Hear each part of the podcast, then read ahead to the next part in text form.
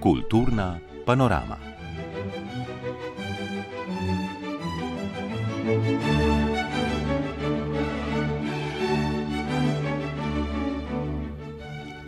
Drage poslušalke, spoštovani poslušalci, lepo pozdravljeni na začetku kulturne panorame. Tudi na današnjo predpraznično soboto smo v uredništvu za kulturo tretjega programa, programa Ars, za vas pripravili pregledno oddajo o kulturnem dogajanju doma, v italijanskem zamestvu in v Ukrajini. Kulturno panoramo sem uredila in jo vodim Tadeja Krečič, pri mešalni mizi je Gašper Loborec in zdaj vas lepo vabim k poslušanju.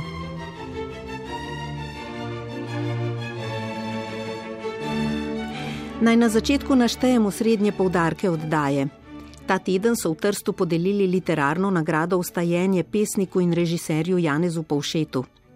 Posvetili se bomo likovnosti in poročali o simpoziju Razstavljanje na slovenskem ter o razstavah Aleksandra Veliščka v Koperski meduzi, Leona Zakrajška na Ptuju ter o fotografski razstavi Back to Black v Ljubljanski galeriji Foton. Iz pogovora Staše Grahek z Viktorjem Rubanom, ukrajinskim plesalcem, koreografom in pedagogom, bomo izvedeli, kako poteka življenje kulturnikov med vojno v Ukrajini. Ostanite med kulturno panoramo z nami.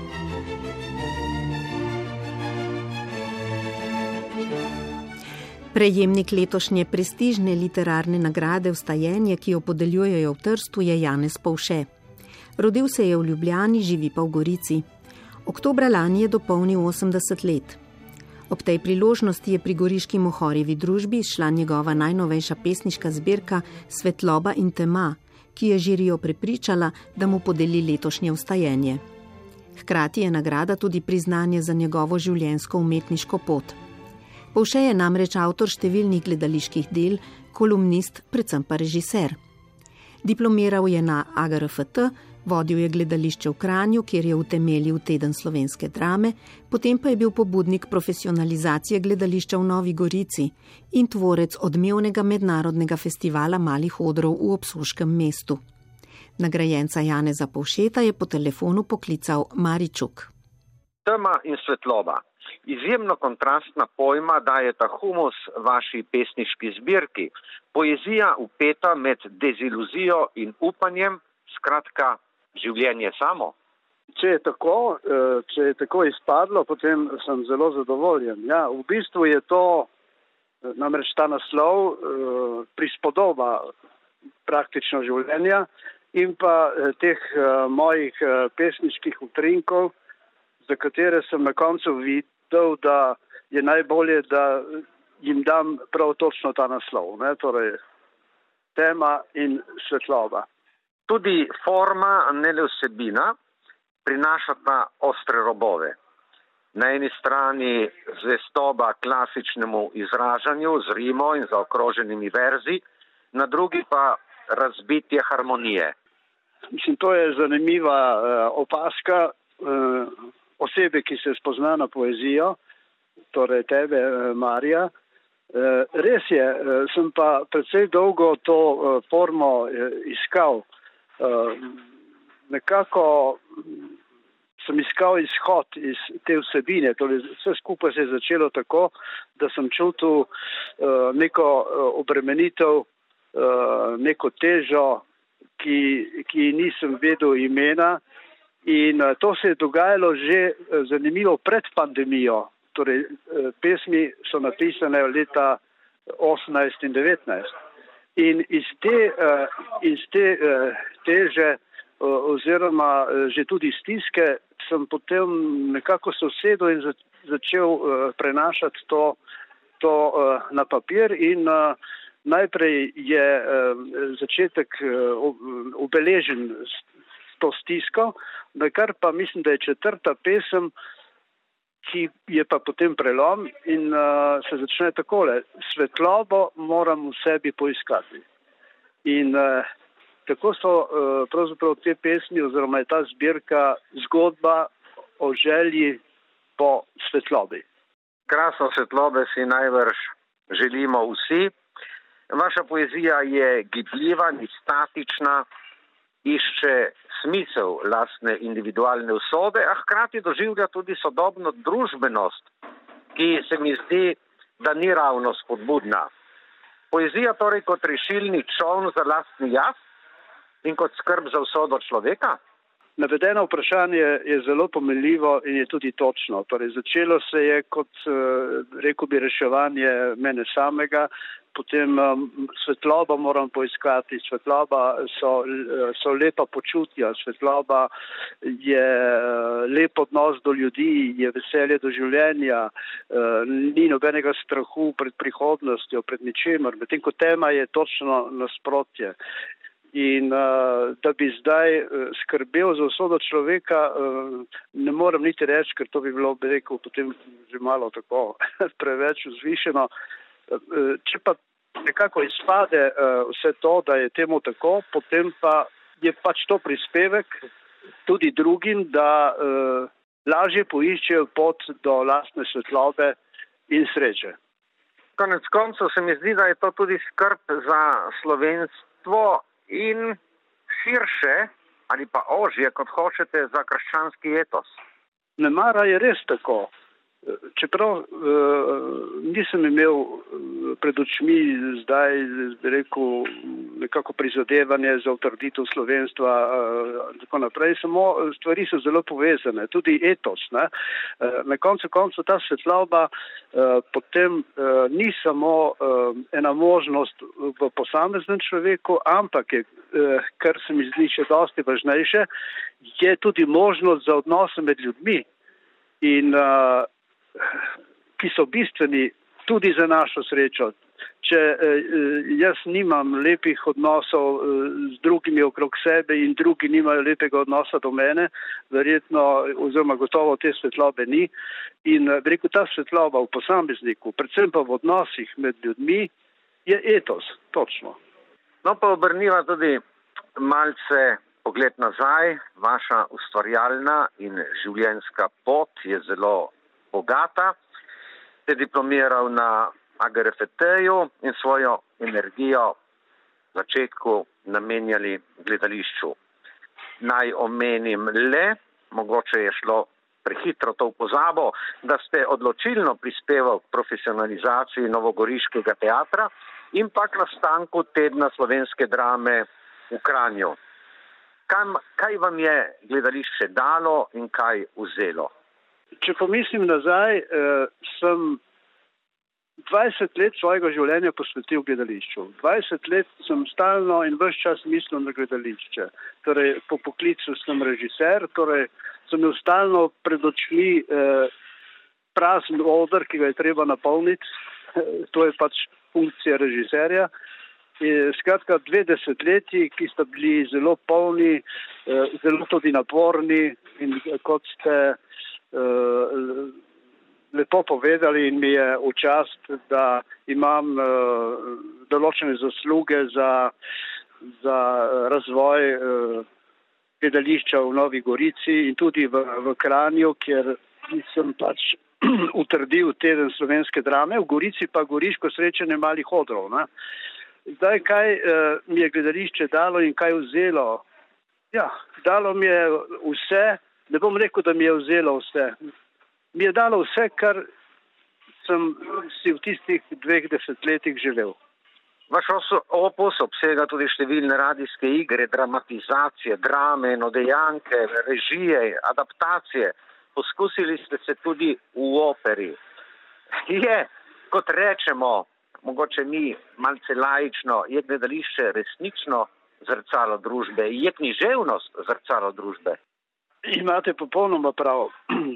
Gledališče je lahko zrcalo družbe in je prav, da to je. Tudi književnost je zrcalo družbe in je prav, da to je.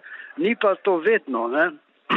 Mislim, da uh, se to zgodi takrat, kadar uh, pride do uh, iskrene, uh, verodostojne izpovedi v katerikoli umetnosti. Uh, takrat je res to tisto zrcalo družbe, ki ne samo uh, mehanično zrcali to družbo, ampak ki tudi, tudi pomaga in na nek način uh, v tisti temi, ukolikor obstaja, uh, podarja en žarek svetlove. Ste kdaj v času svojega študija v Ljubljani, ker ste rojeni, pomislili, da vas bo pot sploh zanesla v Gorico, da se boste v Gorici naselili ljubezen? Res je, ljubezen. Nikoli nisem pomislil, da uh, bom uh, pravzaprav drugi del svojega življenja uh, preživel v Gorici, torej v zamejstvu, znotraj slovenske skupnosti, tukaj v Italiji. In uh, tudi to je res, da sem uh, spoznal sedanjo uh, življenjsko partnerko, torej mojo ženo, in ki živi v teh krajih, tukaj v zamestvu. In sem, uh, in sem prišel sem, torej štejem si v čast, da sem prišel sem predno, uh, predno in odšel iz gledališča v Kranju, predno sem imel sploh kakršnokoli službo. In šele takoj uh, zatem so me poklicali iz primorskega dramskega gledališča, če bi sprejel umetniško vodstvo. Janez Poše, hvala za ta pogovor.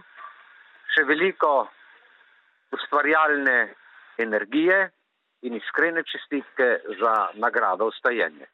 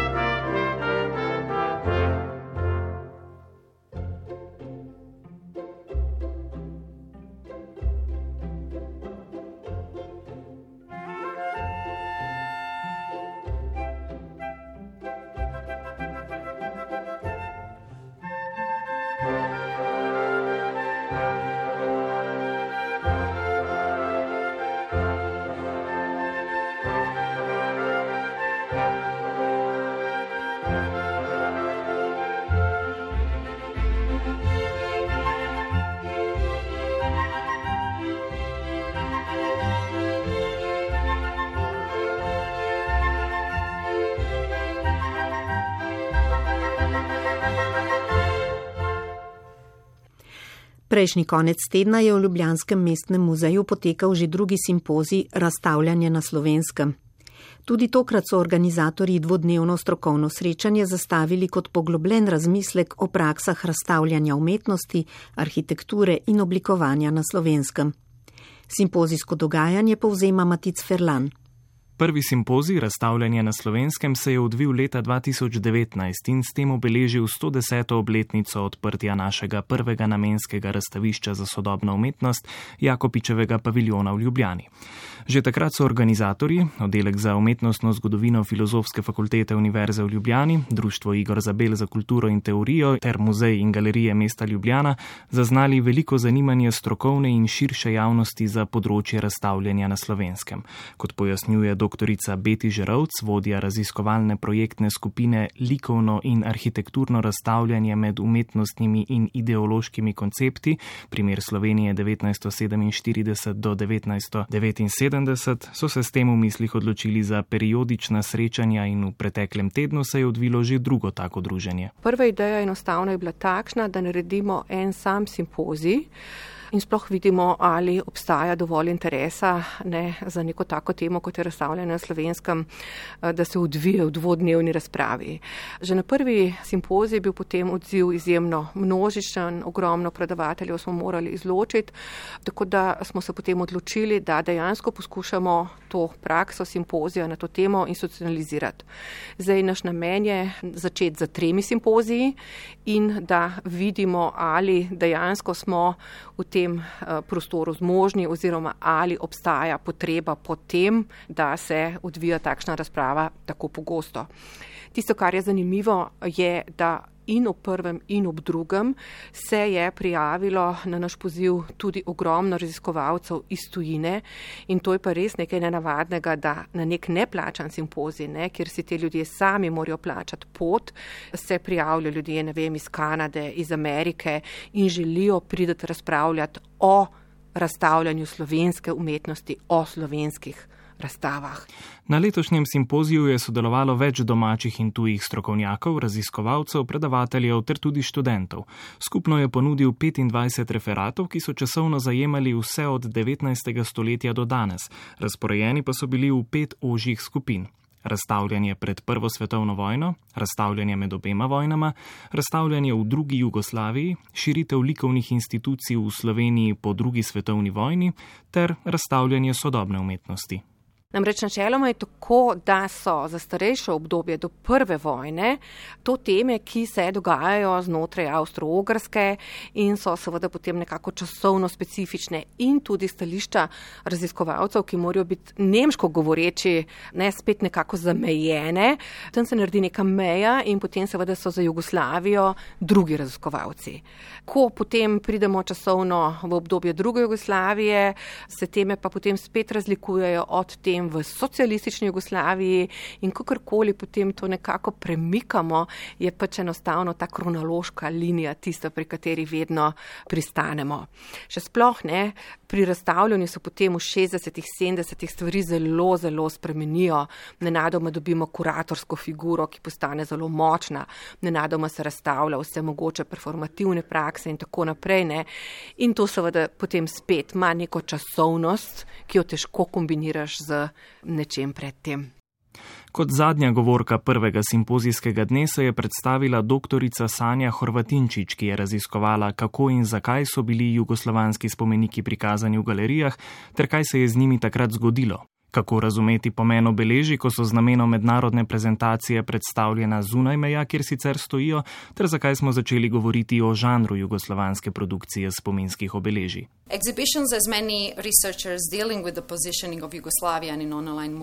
Razstave so bile, kot poudarjajo mnogi raziskovalci vloge Jugoslavije v gibanju neuvrščenih, ključna, a vendarle ne edina orodja za širjanje kulturnih izmenjav v mednarodnem kontekstu. Nove naloge, ki v tej specifični geopolitični globalni konstelaciji pripadajo razstavi, so generiranje svežih tem in modelov ter premikov, tudi fizičnih, na poti k sodelovanju z drugimi tradicijami in kulturami. Doktorica Horvatinčič se je osredotočila na razstavo jugoslovanskih spomenikov na Beneškem bienalu iz leta 1980 ter na potojočo razstavo jugoslovanske spomeniške plastike, ki je med letoma 1984 in 1985 obiskala Mehiko, Sovjetsko zvezo, Kubo, Angolo, Mozambik ter Združene države Amerike. Razstavljanje umetnosti ZDA na naših tleh pa je prek odmevne potojoče razstave, ki je leta 1961 zasedla Ljubljansko moderno galerijo, predstavila dr. Asta Vrečko tej razstavi je sledila res neka plejada ameriških razstav, ampak ne zgolj razstav, ampak tudi drugih kulturnih dogodkov. Vsej Komisija za kulturne veze eh, z inostranstvom ni jasno delovala zgolj na področju vizualne umetnosti, ampak je šlo tudi za sodelovanje na področju filma, gledališča, plesa, predstavitve, obiske pisateljev in pa štipendij. Potem, kar sledi, je močna promocija ameriških umetnikov. Sicer pa je bilo moč slišati več predstavitev posameznih razstav doma in v tujini, razmislekov o institucionalizaciji umetnosti, pregledov drugih razstavnih modelov ter upogledov v družbeno in politično sprejetje določenih premikov na polju razstavljanja. Simpozi razstavljanja na slovenskem je ob izbrani zasedbi vrhunskih predavateljev, raziskovalcev in strokovnjakov predstavil kronološko obsežen in vsebinsko pester pregled razstavne dejavnosti pri nas. Tako je bilo letos v novič potrjeno, da pri strokovni in tudi splošni javnosti obstaja velik interes za proučevanje tematik, ki skupaj tvorijo nito pestri zgodovini razstavljanja na slovenskem.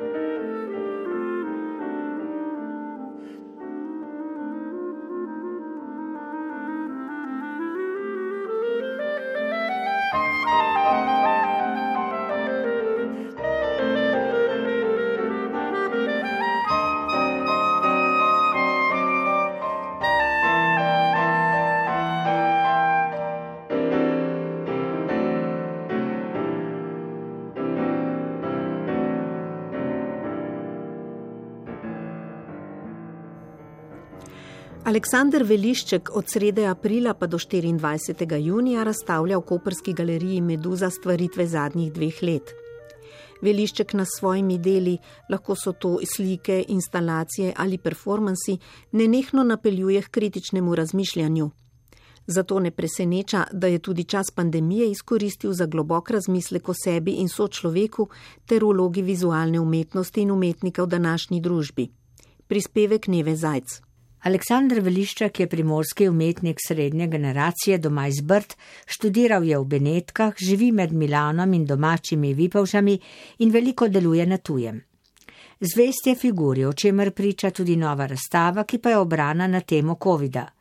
Na slikah, veliko je portretov, se pojavijo napisi s frazami, ki se jih dobro spomnimo iz obdobja epidemije, predvsem opozorilo varnem obnašanju. Veliščak je v začetka obdobja skrbi in ujetosti v nova pravila naredil več ciklov, na katerih je kopiral stare mojstre in jim dodajal svoje zapise.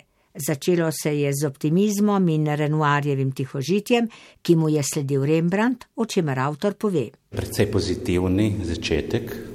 Je bilo že vse precej virtualno, ampak smo bili še vsi nekako pozitivni, ne, prve mesece. Ne.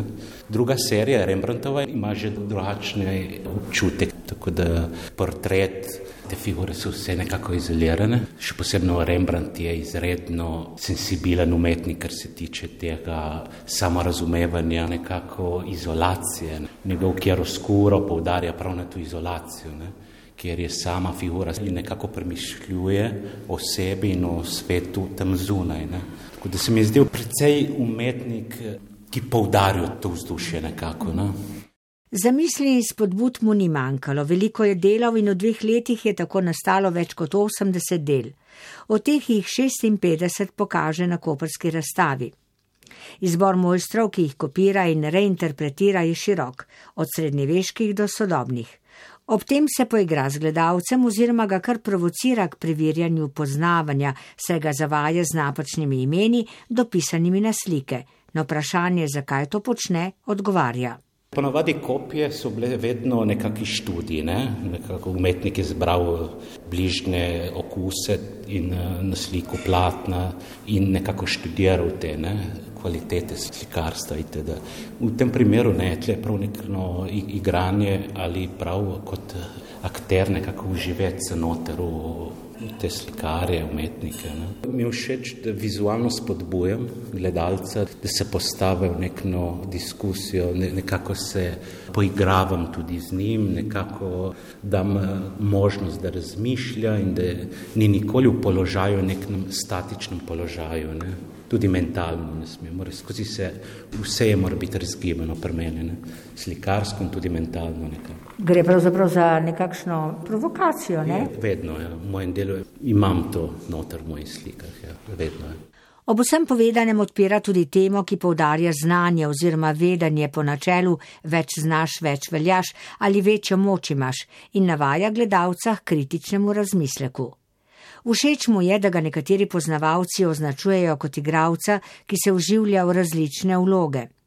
Na razstavi pa dobimo poleg vtisa, da nam umetnik zastavlja uganke, tudi občutek, da je njegova igra zamenjav lahko tudi pedagoško uporabna, o čemer pravi. Mi je tudi muzej Spacapan predlagal enako, prav kot nekako eh, pedagoška varijanta. Ja. Tako da je, ja. tudi otroci, šole in tako dalje. Ja. Ja, to je zgodovina umetnosti. S tem načinom pa ne namerava prenehati nasprotno. Mislim, da bom šel še malo na večje platne, tako da bom malo boje se poigral še bolj na slikarsko. Ne? Ker tle je nekako, vedno razmišljal, da je ena povezana z drugo, nekako te platne. Nis, nisem, je logično, da lahko jih predstavim tudi posamezno, ampak delujejo, mislim, še bolj močno, če se usklajujejo med, med seboj, ne, nekako. Veliščkova pandemična zgodba, ki jo navdihujejo velika imena iz sveta slikarstva, se torej nadaljuje. Umetnikov umetniški rebus, barviti in slogovno različni portreti pa bodo v Kopru na ogled do 24. junija.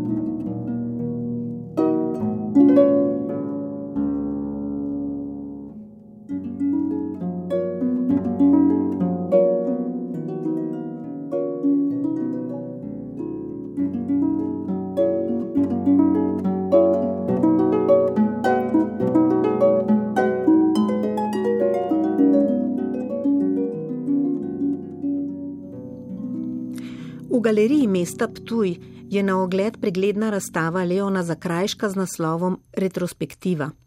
Predstavljenih je več kot 75 del, omogočajo pa v pogled v 45 let umetnikovega ustvarjanja, ki ga je zaznamovala tradicija japonskih grafičnih tehnik in simbolika kroga. Prispevek Irene Kodrič-Cizarl. Leon Zakrajšek je v prvi vrsti grafik. Po študiju na Ljubljanski akademiji za likovno umetnost je opravil specializacijo v Španiji. Kasneje, konec 90-ih let, pa se je štipendijo japonske vlade pri tamkajšnjih mojstrih učil v zasebnih ateljejih za grafiko in lesorez. Je član več umetniških in strokovnih organizacij in prireja razstave doma in v tujini, kjer je odnegdaj zelo dejaven. Pravi, da je prav zato v Sloveniji težko našel galerijo, kjer bi postavil svojo retrospektivo. Namreč moja dela so tako na prvi pogled eh, in tudi sicer zelo agresivna v nekem smislu, ker so tako zelo črno-bela in rabijo veliko prostora. In gospa eh, Kustosinja je pol predlagala, da, da mal eh, zadeva bolj diha in pa sem jaz sprejel to odločitev in je zdaj v katalogu je 105 del, na razstavi je pa 75. To gre za dela od srednje šole, ko sem bil še srednje šolc, do v bistvu do zdaj. To je opus 45 let dela, ker jaz sem imel prvo razstavo, ko sem bil star 15 let, ko sem bil še na šoli za oblikovanje dijakov. Predstavil se je na zavidljivem številu mednarodnih skupinskih razstav, na Ptujski pa izpostavlja samo sto najodmevnejših. Jaz sem eh, silom razmer, ki so bile takrat takoj po akademiji, prišel v neke spore z določenimi strukturami, kulturnimi in posamezniki v Sloveniji in potem ni bilo druge variante, da iščem pot zunaj. In sem imel to srečo, da sem zelo hiter v bistvu v mladosti že navezal stike z japonskimi grafiki, ki so mi odprli pot. Če ti uspeš na japonskem, tvoja pot je zagarantirana povsod. In tako so začela hoditi v bila. Nanja se je redno odzival, le tako je bilo namreč mogoče napredovati. Veliko vpliv na njegovo delo ima japonska izkušnja. Ja, jasno, ne, jaz sem v bistvu prišel na japonsko študirati z neko štipendijo japonske vlade in v bistvu so me potem nekako kanalizirali v neki pomembnih ateljejev znanih japonskih eh, lesorezcev, ki so bili tako, če najboljša primerjava bi bila recimo Božidar Jakac v Sloveniji, na japonskem so pa te ljudje, ki so bili moji profesori, pa Jakac na deseto potenco. Namreč Japonci imajo vem, 140 milijonov ljudi, od tega je par sto tisoč vrhunskih umetnikov, ki so registrirani. Jaz sem pa to srečo, da so me pravi ljudje izbrali in jasno, potem se pa nekako nalezeš ene druge e, estetike, ker ta njihova estetika je dosti drugačna od naše, pa tudi te umetniške prakse na japonskem so tu dosti drugačne, mogoče še najbolj drugačna je pa tehnologija, to se pravi tehnike, v katerih oni delajo, ker so pač tradicionalne, stare par tisoč let in jih oni držijo zase.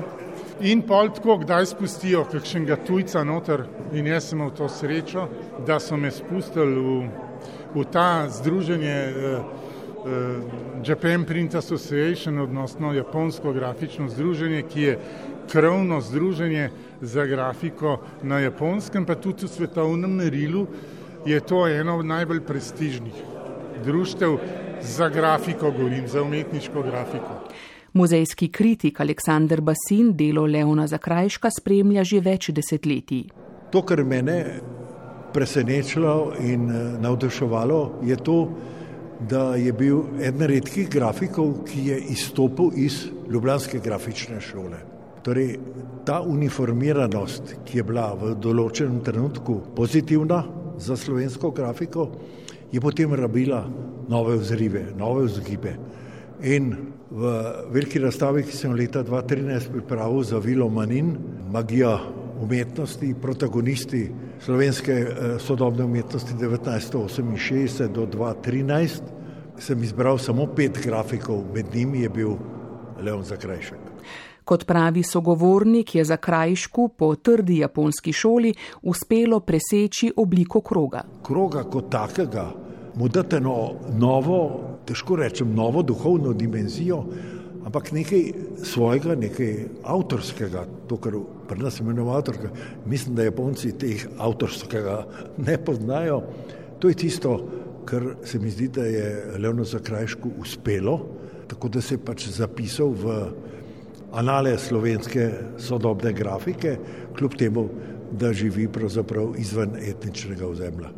In še mora biti med grafiki, je zelo pomembno, da ima on posebnost do monotipije, se pravi do enkratnega odtisa, ki se levo in desno se posebej odtiste in da to ni tista grafika, ki se raznožuje v nedogled, kot se je sitotisk, nič nima proti sitotisku, ampak nekaj bolj dragocenka, bolj intimnega, bolj notrnega, lahko pokaže seveda samo monotipija. Umetnik živi v Zagrebu, kjer bo leta 2024 gostoval v dependanci Muzeja sodobne umetnosti, je še povedal Aleksandr Basin. Razstava na Ptuju bo na ogled še do 12. maja.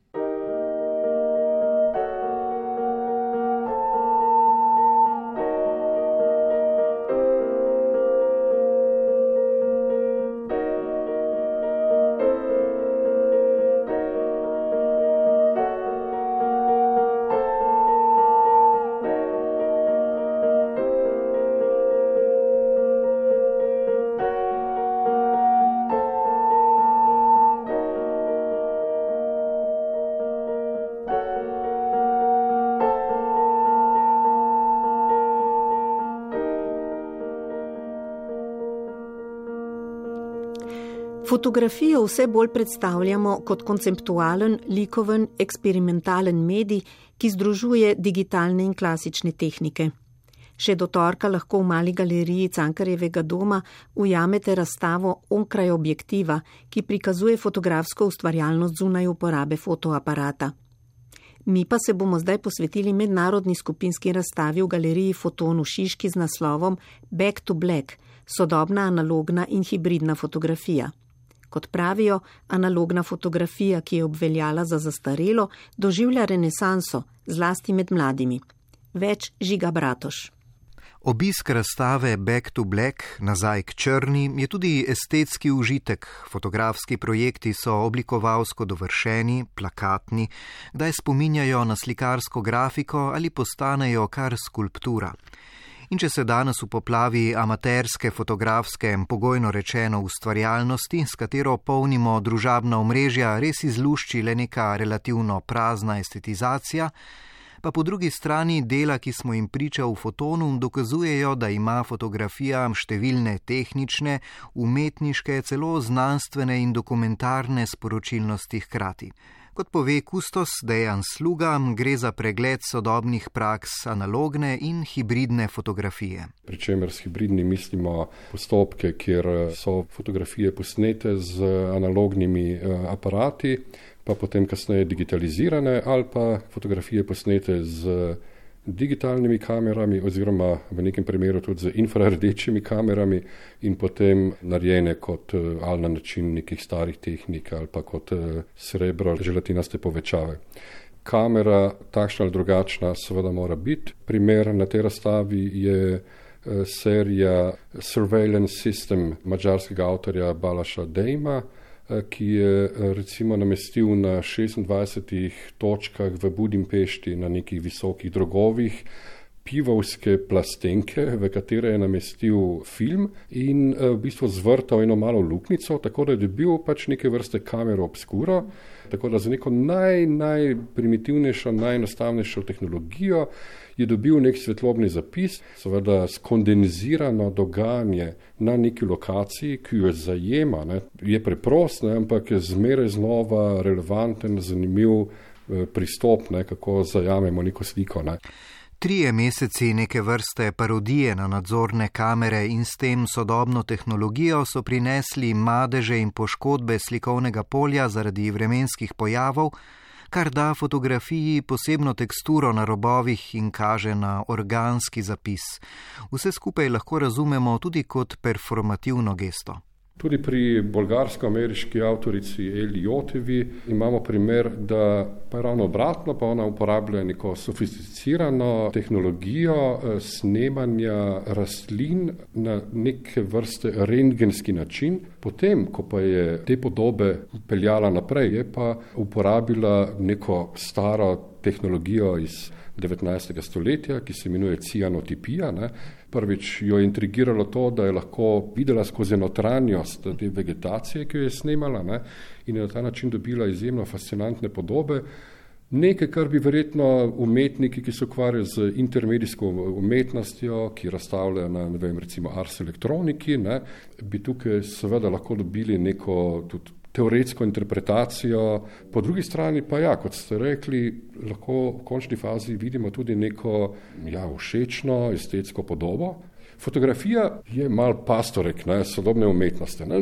Vse, kar se naredi na področju sodobne umetnosti, se zmeraj predpostavlja, da je tukaj zade ne vem kakšen koncept, ne, globoko umne ideje in podobno. Medtem ko fotografija ne, pa je veliko krat, ne, ah, to pa je zgolj fotografija. Ne, se, se mi zdi zanimivo, ne, da zmeraj znova lahko dokažemo, da to seveda ne drži. Ne. Rdeča luč simbolizira intimni prostor temnice, rdeča je lahko tudi grozeča, a v fotografiji Petra Koštruna nas hkrati vrača na izhodišče našega življenja. Ko stojimo pred velikim žarečim, neokvirjenim papirjem s podobo termometra, se ob odmiku zgodi pa slika in vse okoli nas postane komplementarno rdeči, zeleno. Na površini so poteze in nanosi barvnega tuša vidni kot gesta, ki sledi ideji okrnjene narave. Borut Peterlin pa v seriji Varuhinja reke razgrne tragično usodo reke Krupe, ki je bila nekoč eno najbolj onesnaženih mest na svetu zaradi odlagališča akumulatorske proizvodnje lokalnega podjetja. V postopku je umetnik uporabil prav to rečno vodo, osrednja točka v fotografiji pa je, kot varuhinja, njegova hči. V gradiji foton razstavljam dve deli, nastali po postopku izpred 170 let in sicer uh, mokri kolodi na steklo kot negativ in potem pozitiv kot karbon print na steklu oziroma pigmentirano želatinski print. Jaz sem izbral te dve deli z namenom, da pri gledalcu dvignejo vprašanje, kako je možno, da neki fotografski postopki izpred 170 let so bolj kvalitetni, se pravi, globlje črnine, ostrejša fotografija, tonaliteta ne primerno boljša, kot je dan danes uh, sodobni digitalni inkjet in ostali uh, procesi ponujajo. Priznani avstrijski fotograf Rainer Riedler se tokrat predstavlja s projektom Sweat. Znoj pravzaprav ni zares fotografski projekt, niti ni fotogram, ampak je nekaj vmes. Tukaj namreč fotoaparat ni upleten v prvi del procesa. Zame je to nekaj posebnega, saj ponavadi kot dokumentarni fotograf iščem načine, kako biti objektiven. Vedno sem se spraševal, kaj je perfektna fotografija in prišel do zaključka, da je bistvo v sledeh. Predstavljajte si odtise nog v pesku ali mrtvaški prt, to je zame osebno primer perfektne fotografije. No, ideja za projekt, ki ga predstavljam na razstavi, se mi je utrnila med tekom. Ob pogledu na znojne madeže na majici sem pomislil, da bi bilo odlično narediti odtise potečih se ljudi. Vsi poznamo torinski sveti prt, na katerem se poznajo poteze moškega telesa. No, nekaj takega. Obrnil sem se na Fraunhoferjev inštitut v Münchnu, kjer raziskujejo pojav potenja in z veseljem so mi pomagali, saj so imeli problem komuniciranja z javnostmi zaradi negativne konotacije potenja. Dali so mi poseben bombažni material, ki v stiku z znojem spremeni barvo. Jaz sem v projektu ljudi prepotil v mali prenosni savni in naredil njihove odtise v naravni velikosti. Te sem na to fotografiral v visoki ločljivosti. Torej lahko rečemo, da je v tem primeru blago negativ, fotografija pa pozitiv. Če je mrtvaški prt odtis umrlega, je na drugi strani znojni prt odtis še kako živega. In če so v procesu nastajanja klasične fotografije prisotne kemikalije, je tukaj kemikalija človeški proizvod. V Ljubljansko galerijo Foton se na predstavitev Back to Black 11 vizualnih umetnic in umetnikov lahko odpravite do 27. maja. Mi pa dodajmo misel švicarske fotografske legende Roberta Franka, s katero so razstavo pospremili. Črna in bela sta barvi fotografije. Zame simbolizirata alternative upanja in obupa, ki jim je človeštvo zavedno podvrženo.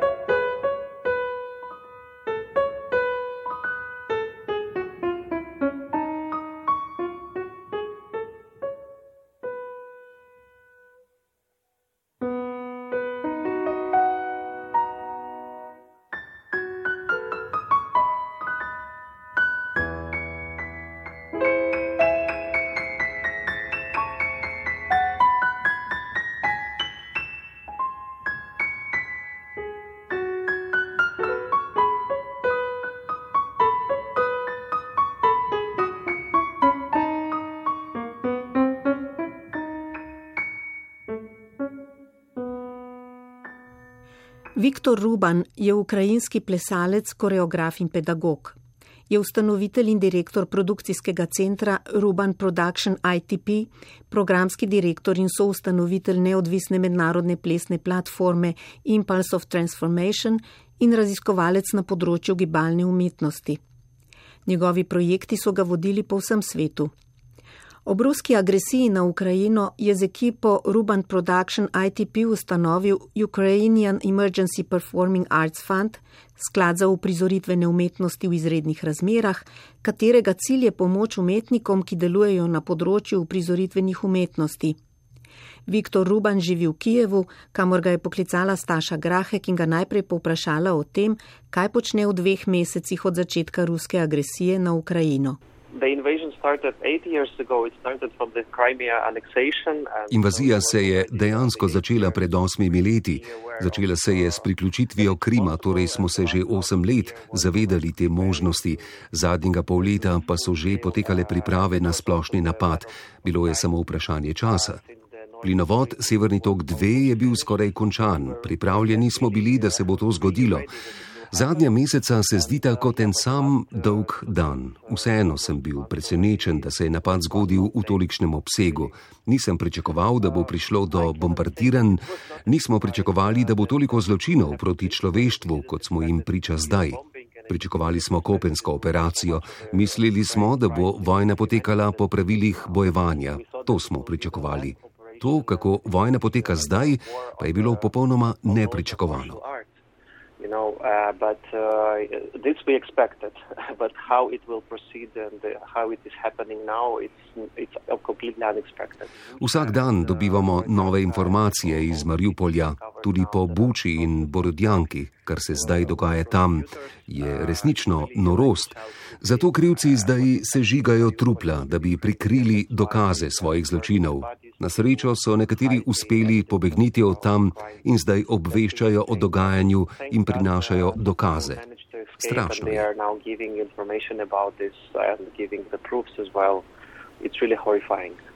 Kmalo po februarskem napadu na Ukrajino ste ustanovili sklad za uprizoritvene umetnosti. Lahko poveste kaj več o tem?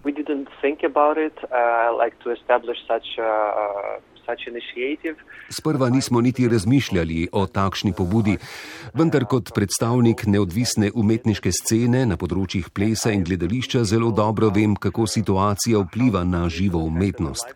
Ljudje nimajo zaslužka, nimajo dela. Večina umetnikov se je odločila ostati v Ukrajini. Lotili so se prostovoljnega dela, kar pomeni, da delajo 24 ur dnevno, 7 dni na teden sodelujejo pri evakuaciji ljudi, pri logistiki, pomagajo ljudem v zakloniščih, prinašajo hrano, delujejo pri teritorijalni obrambi. Pri tem sploh ne mislijo na svoje lastno preživetje. Poleg tega je položaj zelo kompleksen. V Ukrajini prejemamo veliko humanitarne pomoči, ki jo zbirajo na tujem, tudi ta pomoč ob zapleteni logistiki pogosto zelo dolgo potuje. Zato so ljudje z lastnim denarjem začeli na lokalno pobudo kupovati drone, obrambno streljivo in tako naprej. Ljudje vlagajo in vlagajo svoj lastni denar, čeprav nimajo dohodkov. Ker imam veliko mednarodnih povezav z ustanovami po vsem svetu, smo se s partnerji pri Ruban Productions ITP in z neodvisno plesno platformo Impulse of Transformation odločili, da ustanovimo ukrajinski sklad za uprizoritvene umetnosti v izrednih razmerah, s katerim zbiramo donacije za pomoč ljudem. Doslej smo pomagali že 50 ustvarjalcem, zbrali smo približno 15 tisoč evrov, na pomoč pa že čaka 250 novih zato zares potrebujemo pomoč iz tujine, da bi pomagali umetnikom na področju Hersona, Harkova, Črnigova. Želimo jim poslati denar, saj je to edini način, kako jim lahko pomagamo. Nekateri med njimi so ta hip na okupiranem ozemlju.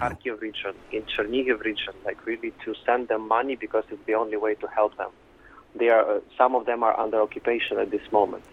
Na spletni strani Ukrajinskega sklada za uprizoritvene umetnosti v izrednih razmerah ste med drugim zapisali: Umetnost performansa je odvisna od močne povezave z družbo in je že v miru prekarna. Uprizoritvene umetnosti je hudo prizadela že pandemija, zdaj jih je udarila še vojna. Uh, you know, COVID prepared us to be uh, really, uh, really, really uh, um, not prepared not even more precare, but really wise with uh, really distributing the efforts. Med pandemijo COVID-a smo se naučili modro ravnati s sredstvi. Razlika je ta, da čeprav znamo res pametno razporejati vsakodnevne izdatke, v vojni vendarle ni mogoče kar naprej plačevati. Tu je velika razlika. Ljudje so res pogumni, vsak izmed nas opravi ogromno dela. To, kar smo oblikovali s kolegi, je ena od pobud, s katero pomagamo preživeti ljudem, ki delujejo na tem področju. Vsi nekako obladujemo položaj, vendar je res težko. Že drugi mesec, brez vseh dohodkov. Čeprav je do hrane mogoče priti pri socialnih ustanovah, to vendarle ne pomeni, da se čutimo varne. Človek pač včasih preprosto potrebuje denar, naprimer za nakup zdravil in podobno. Zato res potrebujemo podporo in na ta način ohranjamo solidarnost med seboj.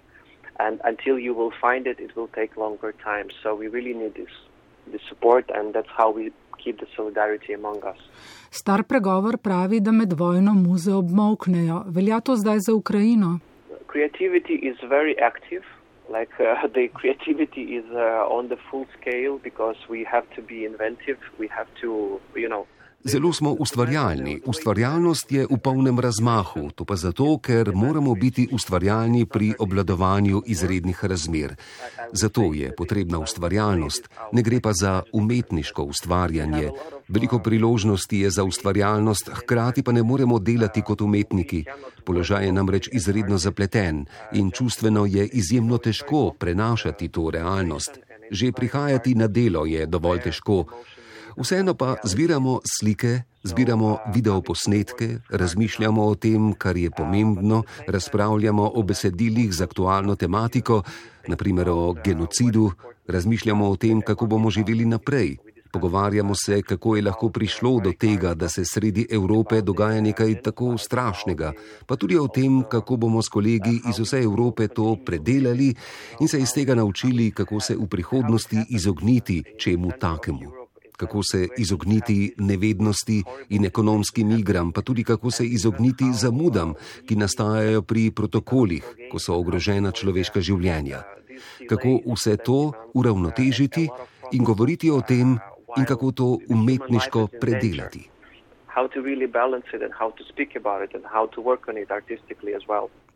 Delovali ste po vsem svetu, v Bolgariji, Veliki Britaniji, Nemčiji, Gruziji, Španiji, Libanonu, Litvi, Poljski, Romuniji, Ukrajini in Franciji, tudi v Belorusiji in Rusiji, pri čemer ste ustvarili številne vezi z ljudmi in ustanovami. So se te vezi v tem času ohranile?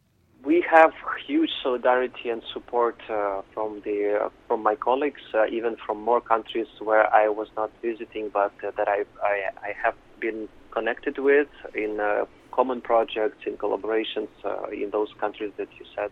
Doživljamo veliko solidarnost in podporo kolegov iz mnogih držav, tudi iz tistih, ki jih nisem obiskal. Odnos s kolegi iz Rusije in Belorusije pa je nekaj posebnega. Le malo ljudi iz Rusije se je opredelilo, res malo. Večina jih molči ali pa so samo izrazili obžalovanje. Nekateri skušajo preusmeriti pozornost na priključitev Krima, čež da je niso podprli, čeprav vemo, da so jo mnogi med njimi podprli. Med nami in kolegi v Rusiji zato raste zid, vedno manj je razumevanja. Vseeno je nekaj umetnikov, ki so izrazili obžalovanje in ponudili pomoč, kar so počeli že tudi minulih osem let. Kar zadeva Belorusijo, pa čutimo solidarnost z njihovim položajem pod Lukašenkom, ki ga mnogi ne štejejo za legitimnega predsednika. Že dve leti se borijo v opoziciji, vendar pa morajo ostati tam, kajti če vsi odidejo iz Belorusije, kdo se bo upiral? Z njimi imamo veliko povezav, delimo si stike. So we have a lot of solidarity and communication with them. Uh, we exchange messages, we also help and we share the contacts.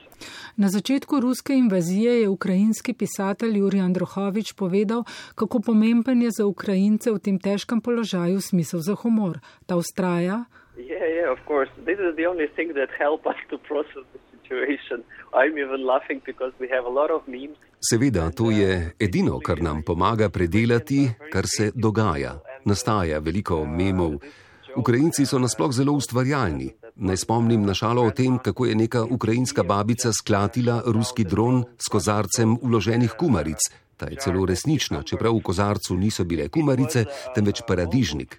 To lahko potrdim, dogodku je bil namreč priča prijateljev prijatelj. Ljudje te nore nadrealistične situacije znajo predelati v šalo, obravnavati s smehom. To nam pomaga, da vendarle ohranjamo upanje in pogum in se soočamo z nevarnostjo, ki nam grozi. To watch into the eyes of such a danger that we are facing.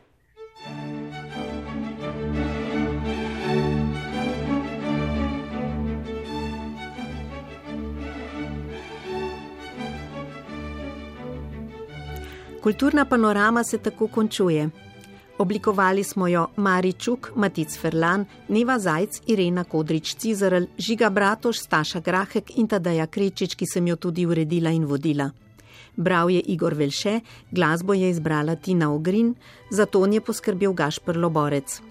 Kulturno panoramo morate znova poslušati na naši spletni strani, najdete pa jo tudi v aplikaciji za podkaste. Lepo vas pozdravljamo.